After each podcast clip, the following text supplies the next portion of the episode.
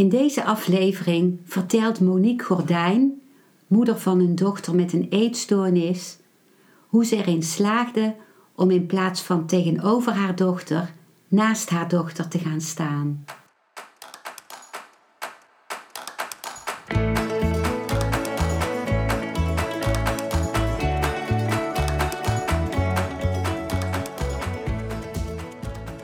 Welkom bij een nieuwe aflevering van Modita's podcast Van Pijn naar Zijn. De podcast waarin ik je meeneem voorbij de pijn in je leven naar wie je diep van binnen bent.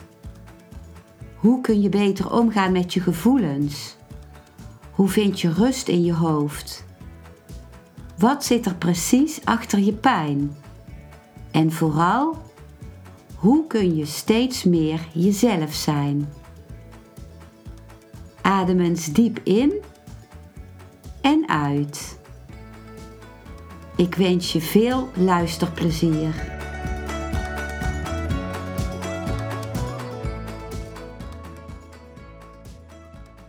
Monique Gordijn is moeder van een dochter met eetproblemen.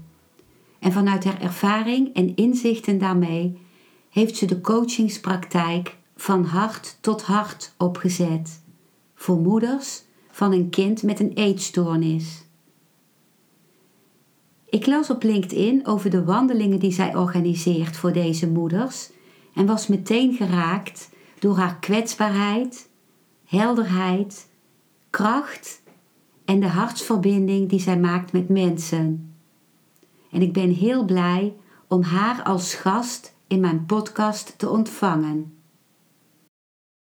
Hallo Monique, van harte welkom in mijn podcast. Ik ben heel blij dat jij hier bent vandaag. Dankjewel Modita, dankjewel voor de uitnodiging. Ik vind het heel fijn uh, om dit met jou te mogen doen. Oké. Monique, jij bent de moeder van een dochter met een eetstoornis, die uh, een heel aantal jaren geleden begon. Kun je iets vertellen uh, over de gevoelens die jij hebt als moeder ten aanzien van het eetprobleem van jouw kind? Uh, Jazeker. Uh, het klopt inderdaad dat dat al lang duurt. Ehm, uh, en de gevoelens die ik ervaar als moeder zijn uh, vooral heel erg machteloosheid. Ik zie dat ze zichzelf ehm, nou uithongert. Dat ze eigenlijk haar weg in haar leven niet kan vinden. En er is zo weinig wat ik voor haar kan doen. Ik kan er eigenlijk naast staan en ehm, verder niet heel veel voor haar doen. En dat vind ik uh, het meest lastige om mee om te gaan, de machteloosheid. Ja, dat lijkt me ook echt heel moeilijk. Toen ik zelf uh, eetproblemen had, heb ik dat zoveel mogelijk weg proberen te drukken, hoe het voor mijn moeder zou zijn. Maar nu realiseer ik me hoe moeilijk dat geweest moet zijn, dag in, dag uit. Het is iets wat je dag in, dag uit mee geconfronteerd wordt. Ja, het gaat eigenlijk 24-7 door. Want ook in de nacht voel je de zorgen. Zelfs in de nacht, ja. Ja, ja, ja. ja. Je vertelde mij uh, in ons voorgesprek dat toen jouw dochter in een eetstoorniskliniek was opgenomen, jij en jouw man de persoonlijke begeleiding van jullie enorm hebben gemist. En dat je door de aanpak van de kliniek als moeder tegenover je dochter kwam te staan. Kun je daar iets over vertellen? Ja, zeker. Uh, ik vond het sowieso heel erg moeilijk om uh, haar daarachter te laten. We kregen weinig informatie over hoe haar dag er daaruit zag en nou ja, wat, wat, wat ze gingen doen, hè, welke soort gesprekken er zouden zijn. We hadden daar eigenlijk totaal geen feeling bij van tevoren. Uh, uh, de gesprekken gingen echt over hoe we, als ze weer thuis zou komen, haar uh, zouden moeten begeleiden. Dus uh, zij heeft enorme bewegingsdrang, dus hoe we haar daarin moesten begeleiden. Haar moesten begeleiden met het eten. Er is zelfs een therapeut vanuit de kliniek een keertje bij ons aan tafel geschoven om te kijken hoe het bij ons aan tafel was. Ehm, ja, uh, maar wat ik, wat ik miste tijdens die gesprekken was het stukje menselijkheid. Het was meer alsof ze me een gebruiksaanwijzing overhandigde hoe ik met mijn kind om moest gaan. In plaats van dat het voelde dat we als mens, van mens tot mens een gesprek hadden. En er was gewoon geen ruimte voor uh, ja, onze gevoelens, onze emoties, onze wanhoop. Uh, helemaal niet. Het was het overdragen van een, een gebruiksaanwijzing. Ja. Oh, dat moet wel heel afschuwelijk voelen. Heel kaal en, en ook eigenlijk met weinig of geen respect. Ja, dat klopt helemaal wat je zegt. Ehm, en ik heb dat in dat moment ook zeker zo ervaren. Alleen toen zaten we zo enorm als gezin in een overlevingsmodus. Uh, je neemt het aan en het voelt: oké, dit heb ik dus te doen. Uh, en gaat het dansje meedoen eigenlijk. Hè? Je, je hebt gewoon het gevoel, zij is nu in handen van de professionals. En oké, als dit haar helpt uh, naar haar herstel, ga ik daar natuurlijk in mee. Uh, en natuurlijk voelde ik ook, uh, en, en wij dan? En, en hoe, hebben jullie een idee hoe dat voor ons is als we politieagent moeten zijn? En diëtiste en controleur. En, maar dat, in dat moment waar, heb ik dat echt ervaren als een soort flitsgedachtes in mij omdat we zo aan het overleven waren als gezin, nogmaals, dat we het gewoon zijn gaan doen. Hmm. Ja, vanuit liefde eigenlijk, hè? vanuit zorg en liefde. Natuurlijk, ja, ja, ja, ja. En uh, gaandeweg, uh, Monique, hoe heb jij uh, de behandeling van jouw dochter in die kliniek ervaren? Ehm, we zagen dat ze helemaal op slot ging. En ze nam ons voorbeeld over. Zij ging ook een dansje doen, want ze wilde maar één ding en dat was weer naar huis. Dus uh, de eisen van de kliniek waren een aantal kilo's aankomen. En als ze dat had bereikt, mocht ze weer naar huis. En dat heeft ze gedaan. Mm. Dus er, er was niets aan uh, het, het werk in haar hoofd gedaan. Het was puur het aankomen van de kilo's, zodat ze weer naar huis kon. En heel eerlijk, uh, toen we er thuis kregen, was er wel die kilo's aangekomen, maar ze was zieker geworden dan dat we haar daar hadden gebracht. Want ze had uh, zoveel trucjes geleerd van de meisjes die daar zijn. Hè? Want ja, ze zitten allemaal in hetzelfde schuitje en ze gaan gewoon een competitie met elkaar aan. Want dat is wat de ziekte natuurlijk ook doet. Um, dus uh, ja, ze kwam eigenlijk uiteindelijk zieker thuis dan dat ze de kliniek inging. Mm. Ja, en ze was ook eigenlijk, tenminste als ik zelf naar mijn eigen eetstoornis kijk, was ze was dus blijkbaar niks gedaan aan de achterliggende oorzaken. En ze was ook haar trots over waar ze goed in was, uh, juist het gewicht heel laag houden, was ze ook kwijt. Ook nog ja. Ja, ja, ja. Want dat was een eis om er weer, om weer uit de kliniek ja. te komen. Ja. En um, op dit uh, daarna heeft jouw dochter een veel betere behandeling gevonden. Uh, heb je mij verteld. Kun je daar iets over zeggen wat, wat in die behandeling wel gebeurd, wat je in de kliniek gemist had? Ehm, in, in die behandeling ging het alles behalve over het eten. Het ging vooral over het meisje achter de eetstoornis. wat, wat vindt ze leuk? Waar liggen haar krachten? Waar wordt ze blij van? Uh, uh, waar is ze goed in? Hè? Om het over goed en fout te hebben. Dat vind ik een oordeel. Maar we hebben allemaal onze kwaliteiten. Uh, en daar werd heel sterk naar gekeken.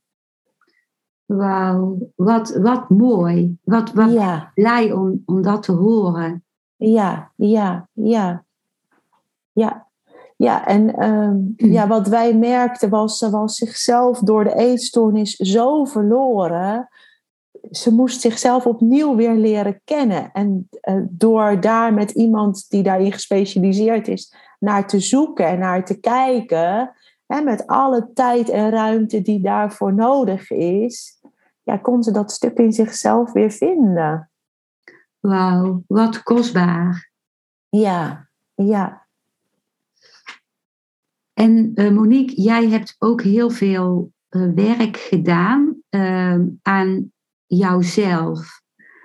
Ehm, je bent ook eh, gaan zoeken bij wat, wat zou een invloed geweest kunnen zijn van mijzelf op op uh, dat wat mijn dochter nu overkomt. Kun je daar iets over zeggen, hoe, hoe, dat, hoe je die zoektocht hebt gemaakt? Ja, uh, mijn dochter was denk ik al een jaar of vijf ziek toen. En ik ben toen echt uh, ingestort. Burn-out. Op. Ik kon niet meer. Ik was alleen maar aan het vechten tegen haar eetstoornis. Ehm, en ik won geen terrein. Ik was mezelf daarin helemaal aan het uitputten. Uh, ik zat huilend bij de huisarts. Ik red het niet meer. Ik weet het niet meer. Ik kan niet meer. Uh, zij schreef me antidepressiva voor. Uh, en raadde me aan naar een psycholoog te gaan. Ik heb de antidepressiva heel kort ingenomen. Want ik vond het heel naar volledig verdoofd te worden. Want naast alles wat je even dan tijdelijk niet zou willen voelen, voel je ook niet meer uh, blij en vrolijk. En uh, goh, ik zit even te genieten in de zon van een kopje koffie. Um, dus ik ben daar heel snel met echt een paar weken weer mee gestopt. En ik ben een coach gaan zoeken die mij kon begeleiden. En dan vooral weer inderdaad in mijn eigen wereld gaan kijken, in mijn eigen binnenwereld. Wat speelt daar zich af? Ik was mezelf zo weggecijferd. Zij heeft me uh, tweetal jaren begeleid. Ik heb ontzettende stappen kunnen nemen.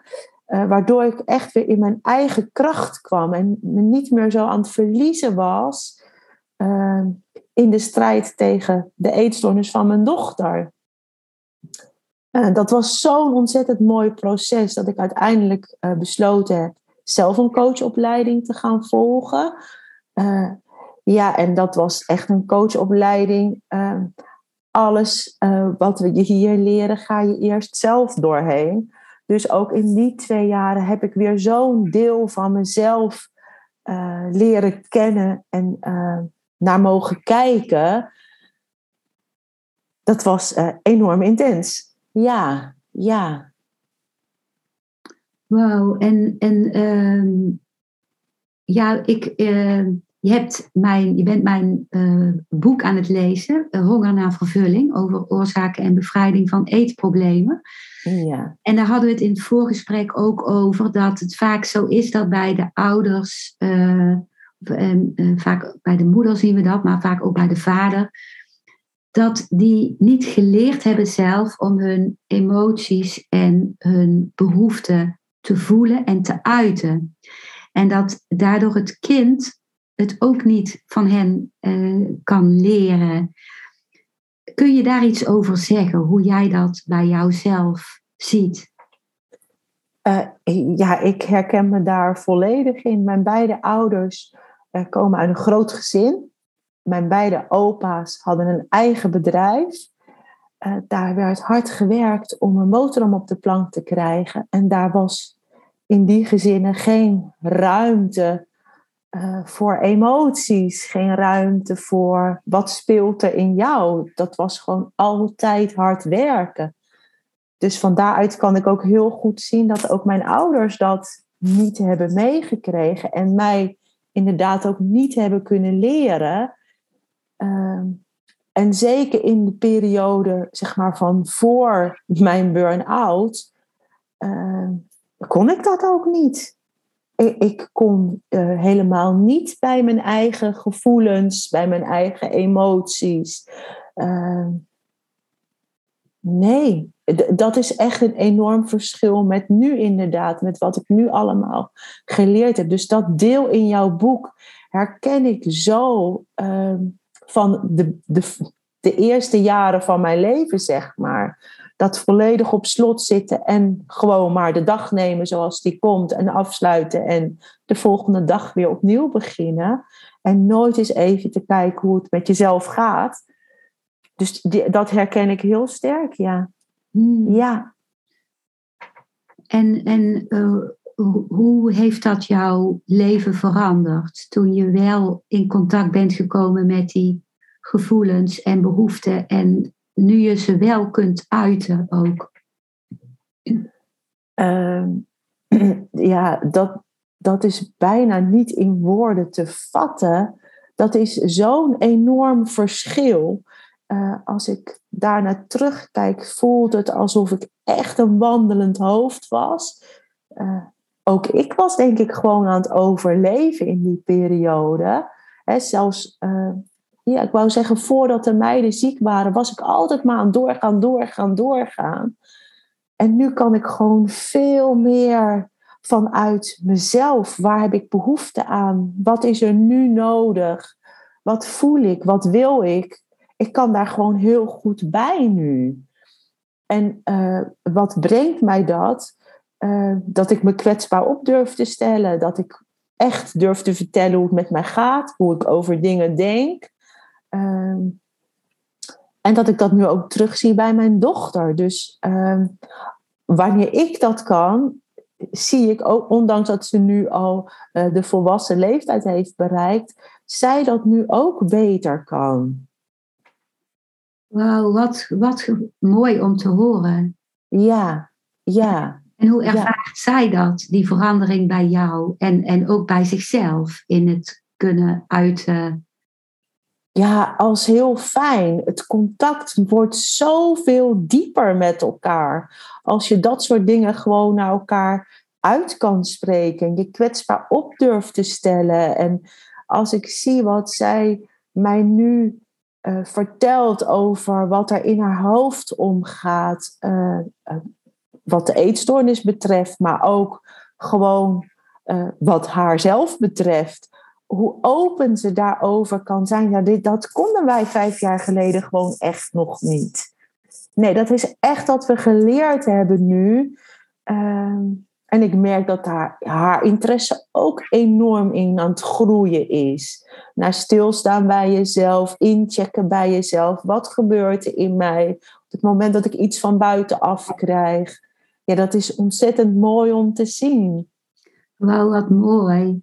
Ja. dat jij zo duidelijk kunt verwoorden. Zo mooie woorden heb jij inchecken bij jezelf. Dat vind ik echt gewoon een geweldig uh, zin.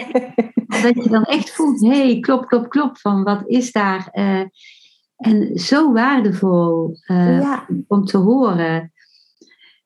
Ja, en, en um, wat heeft dat in de rest van jouw gezin gedaan? Met name ook moet dat ook invloed hebben op jouw partner?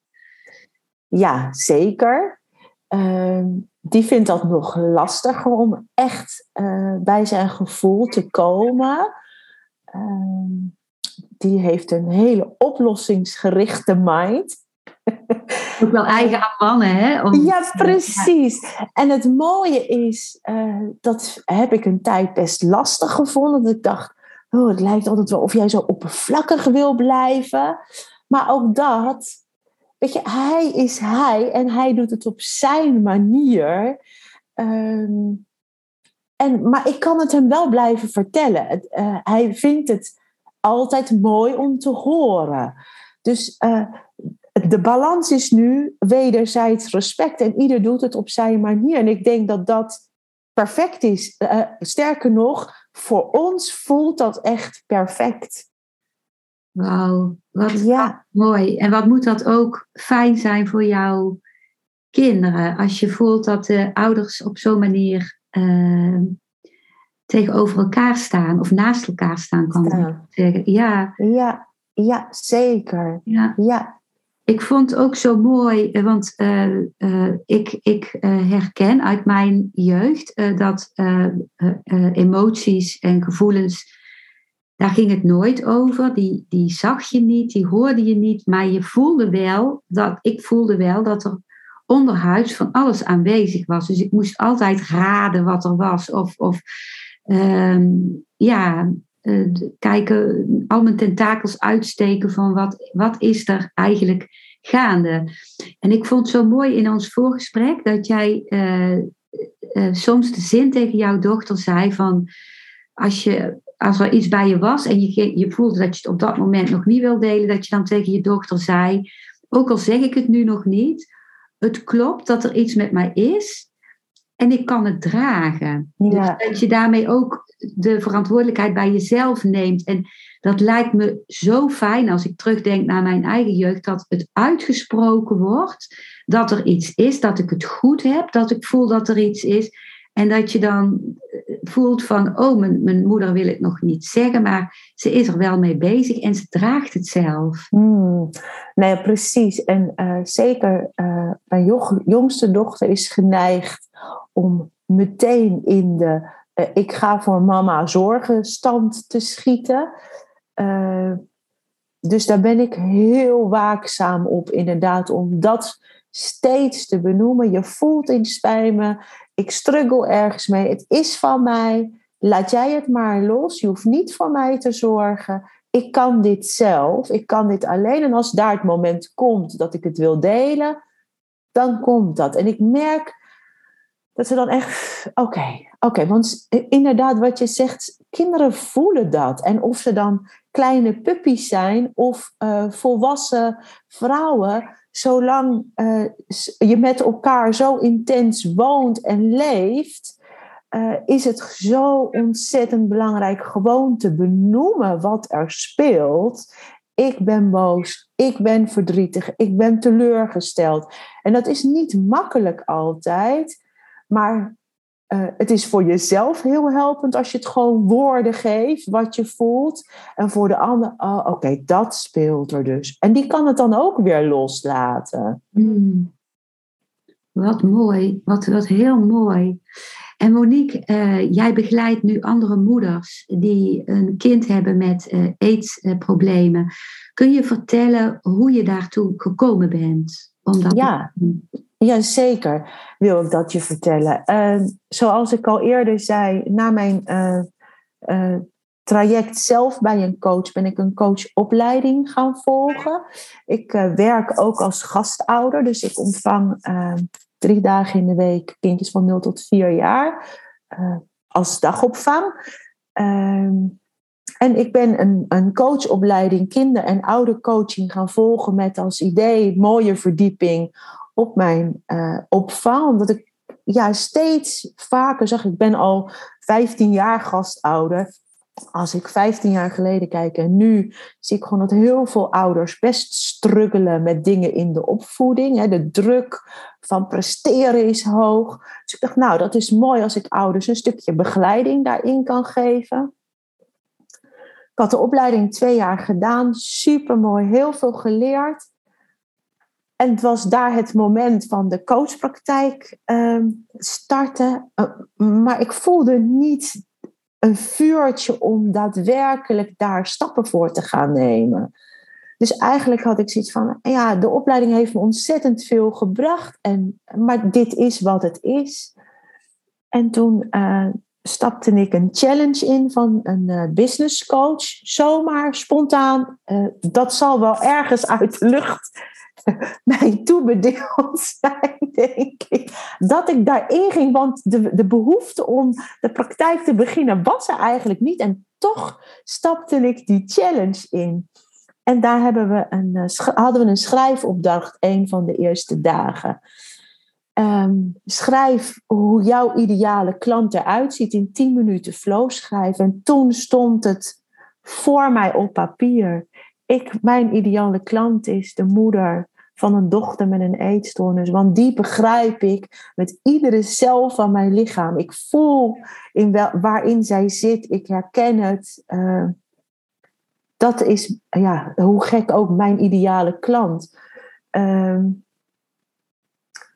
ik schrok ervan dat dat op papier stond. En tegelijkertijd dacht ik, ja, maar dit, dit, dit klopt. Dit, dit is het. Dit, dit, dit wil ik echt gaan doen.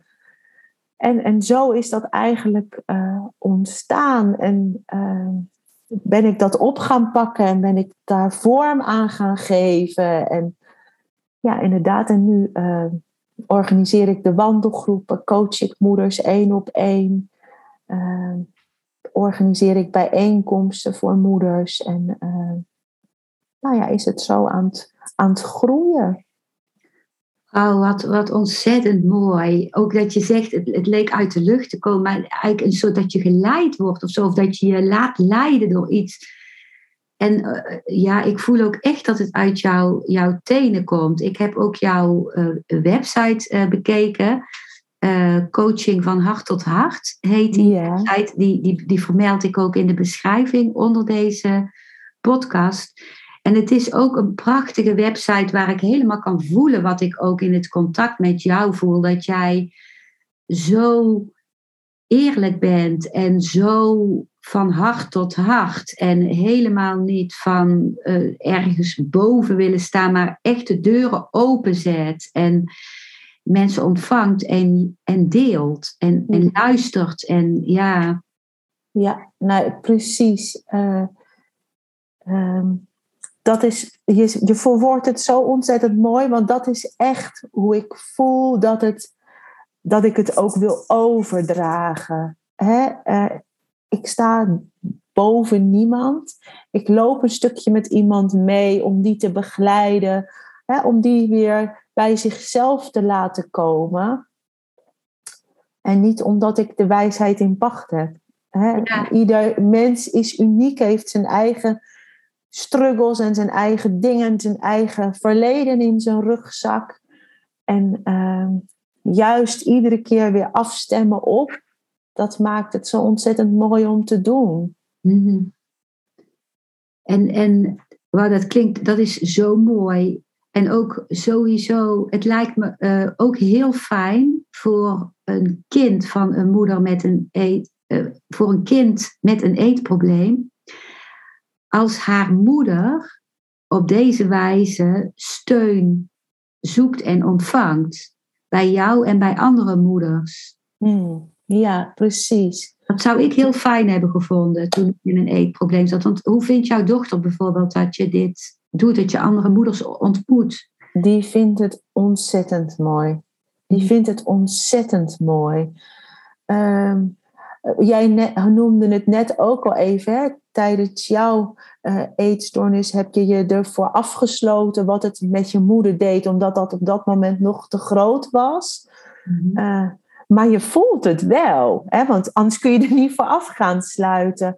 Ja. Uh, dus hoe fijn is het als je kunt zien dat jouw moeder die stap maakt van ja, ik heb het ontzettend moeilijk, maar ik zorg voor mezelf. Um, ik denk dat dat een zo'n ontzettende grote uh, een, een weerslag heeft op de dochter, positieve weerslag, laat ik heel duidelijk zijn. Als je als moeder ja, dat ook voor jezelf zorgt en, en uh, deelt. En uh, wat ik zie hè, na een wandeling met een groep moeders gaan echt, uh, hè, ze komen met opgetrokken schouders van de spanning uh, aan op de afgesproken plek. En uh, vaak een beetje een, een, ja, ik, wilde blik. Het is het woord wat ik krijg. Wilde blik in hun ogen, onrustig, gespannen. We zijn anderhalf in de natuur. We wandelen, we praten en ik zie ze zakken. Ik zie ze zakken. Er stappen gewoon andere moeders weer de auto in terug naar huis. Dat ziet dochterlief ook. Ja, ja. Dat ziet dochter ook. Dat is toch enorm waardevol. Wat mooi, wat mooi Monique. Wat ontzettend kostbaar is dat. Ja, ja. Dat is, on, dat is ontzettend kostbaar. Ja. Coach jij ook mensen online? Of Ja. verder weg wonen? Ja, Ja, ja, ja, ja, dat doe ik ook. Dat doe ik pas sinds kort, omdat ik eh, het, het liefst eh, iemand fysiek eh, bij me heb. Dan kan ik nog beter afstemmen.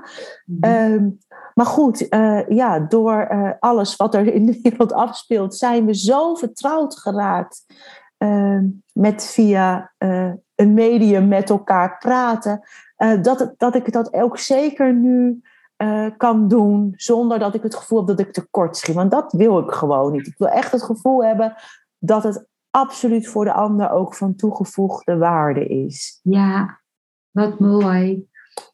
En, en wat, wat, wat in zo'n coachingsgesprek, wat, wat is dan wat een moeder jou teruggeeft van haar ervaring? Ehm, vooral de herkenning. Mm. Het is vooral de herkenning. En wat ik ook veel hoor is, hoort dat er ook bij? Ik dacht steeds, oh, maar is dat ook iets wat bij de eetstoornis hoort? Ehm, en, en dat is ook eh, wat ik steeds zo gemist heb. Het inzicht, wat, wat is nou een eetstoornis? Hè? Het, is, het gaat nou ja, we hebben het daar samen ook vaker gehad. Het, laatste waar het over gaat is het, het weigeren of het veel nemen van voeding. Hè. Het gaat over hele andere dingen. En het uitzicht ook op nog veel meer dingen als alleen op het eten. En dat inzicht is voor moeders ook zo fijn. Want als je weet, het komt uit de eetstoornis, kun je het in een hele andere hoek zetten als dat je denkt dat het vanuit je dochter komt. Hè? Waar ik heel veel moeite mee had, was het liegen en bedriegen. Dat is iets wat uit de eetstoornis komt. Hè? Zij willen aan die stem van de eetstoornis eh, gehoor geven. Dat is zo hard, zo luid. Ehm, en dan doen ze dingen waarvan ze weten dat eh, papa's en mama's er niet blij mee zijn. Hè, bij onze dochter was het bijvoorbeeld heel erg de bewegingsdrang.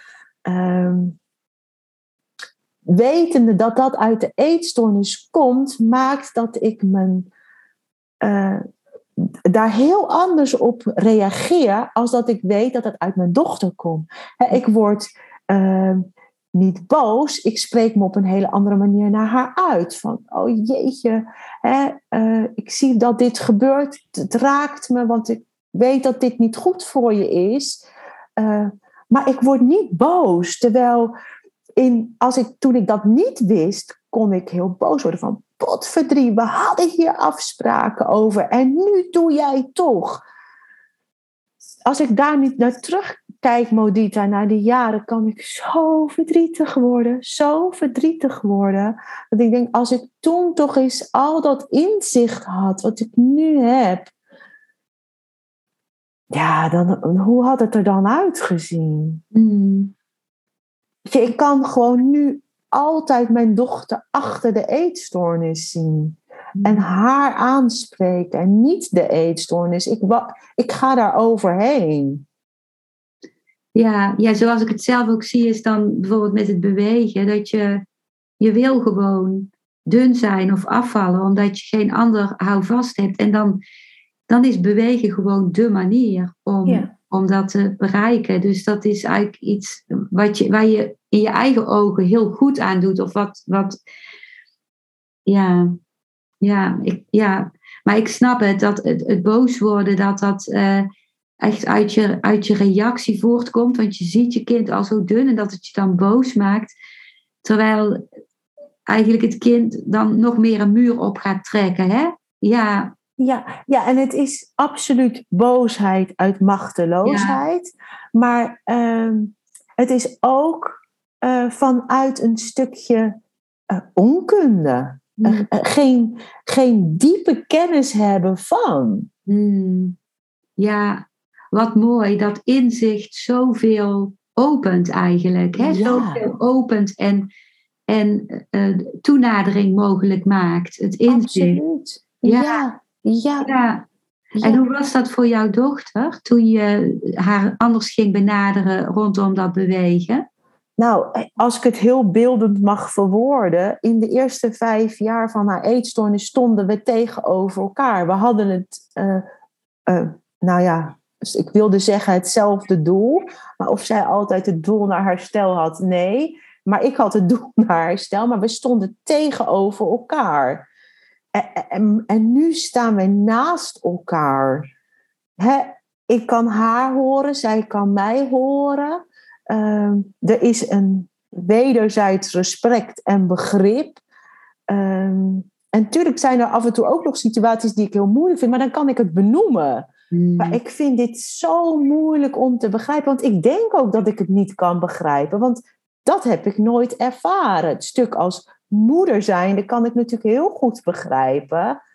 Ehm, maar het stuk uit de eetstoornis is, zijn sommige delen voor mij natuurlijk heel lastig om te begrijpen. Ik snap de theorie, zeg ik dan altijd. Ja, ja. Ik snap de theorie. Ja, ik begrijp het. Ja, dat is, ja, dat is heel eerlijk. Ja. En ehm, Monique, uh, dus natuurlijk, je hebt zoveel uh, te delen hè, met, uh, vanuit jouw ervaring en ook vanuit jouw inzicht met moeders met een eetprobleem. Zou je iets kunnen zeggen van een boodschap die je zou willen geven aan een, een ouder van een kind met een eetprobleem? Je hebt natuurlijk al heel veel genoemd. Uh, ja, het eerste wat in me opkomt is blijf goed voor jezelf zorgen. Want het is een lange weg die je te gaan hebt met elkaar. Ehm, dus blijf echt goed voor jezelf zorgen. Uh, dat is belangrijk voor jezelf. En daarmee geef je het signaal naar je dochter hoe belangrijk dat is. En uh, blijf elkaar zien. En blijf met elkaar leuke dingen doen die niets met eten te maken hebben. Wow. Ja, ja. blijf dat gevoel van wij zijn een gezin. Probeer dat te blijven behouden door gewoon dingen met elkaar te ondernemen. Een filmavondje te houden. Uh, nou ja, uh, nageltjes te lakken. Het kan heel klein, maar blijf dat contact echt houden met elkaar. Want de eetstoornis is geneigd zoveel ruimte in te nemen dat je elkaar echt verliest.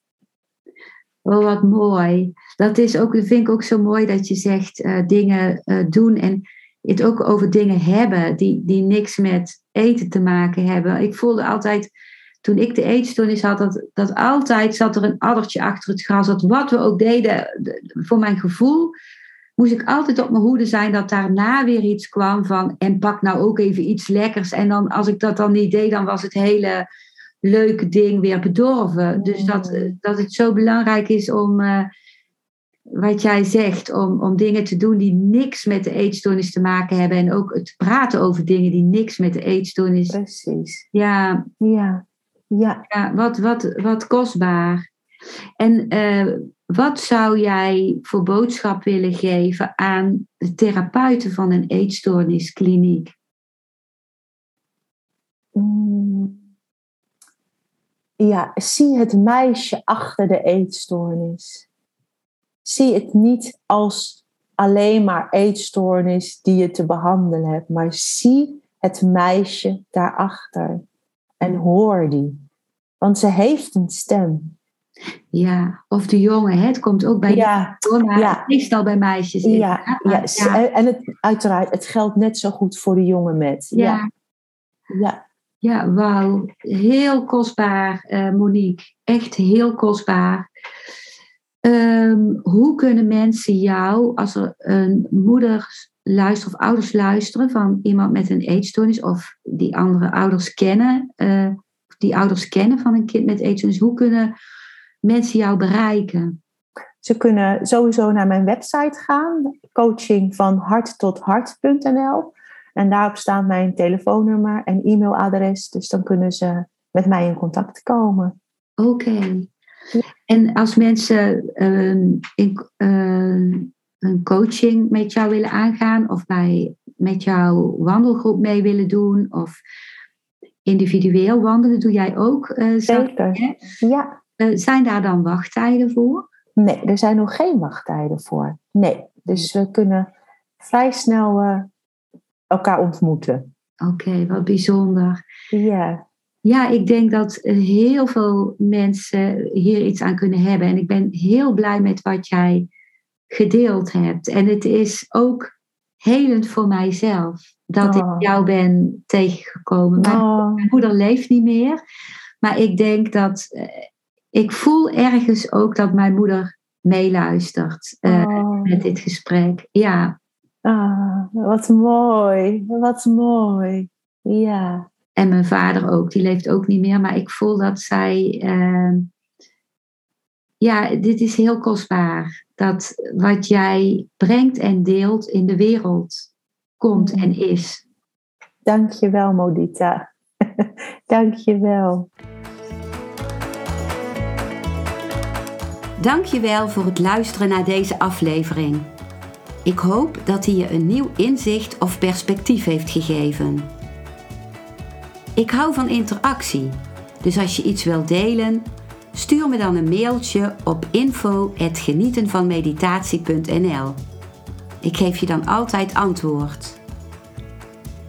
Ik wens jou dat je vreugde in het dagelijks leven zult ervaren en innerlijke rust. En dat je steeds meer je pijn zult kunnen omvormen in zijn. Je kunt de afleveringen van deze podcast volgen via Spotify, Google Podcast, Apple Podcast en Podbean door op de volg- of abonneerknop te klikken. Als je luistert via de Apple Podcast, dat kan alleen als je een iPhone hebt, heb je een extra voordeel. Omdat als je op de knop abonneren klikt, je steeds een berichtje op je mobiele telefoon ontvangt als er weer een volgende aflevering van mijn podcast verschijnt. Je bent van harte welkom bij die volgende aflevering.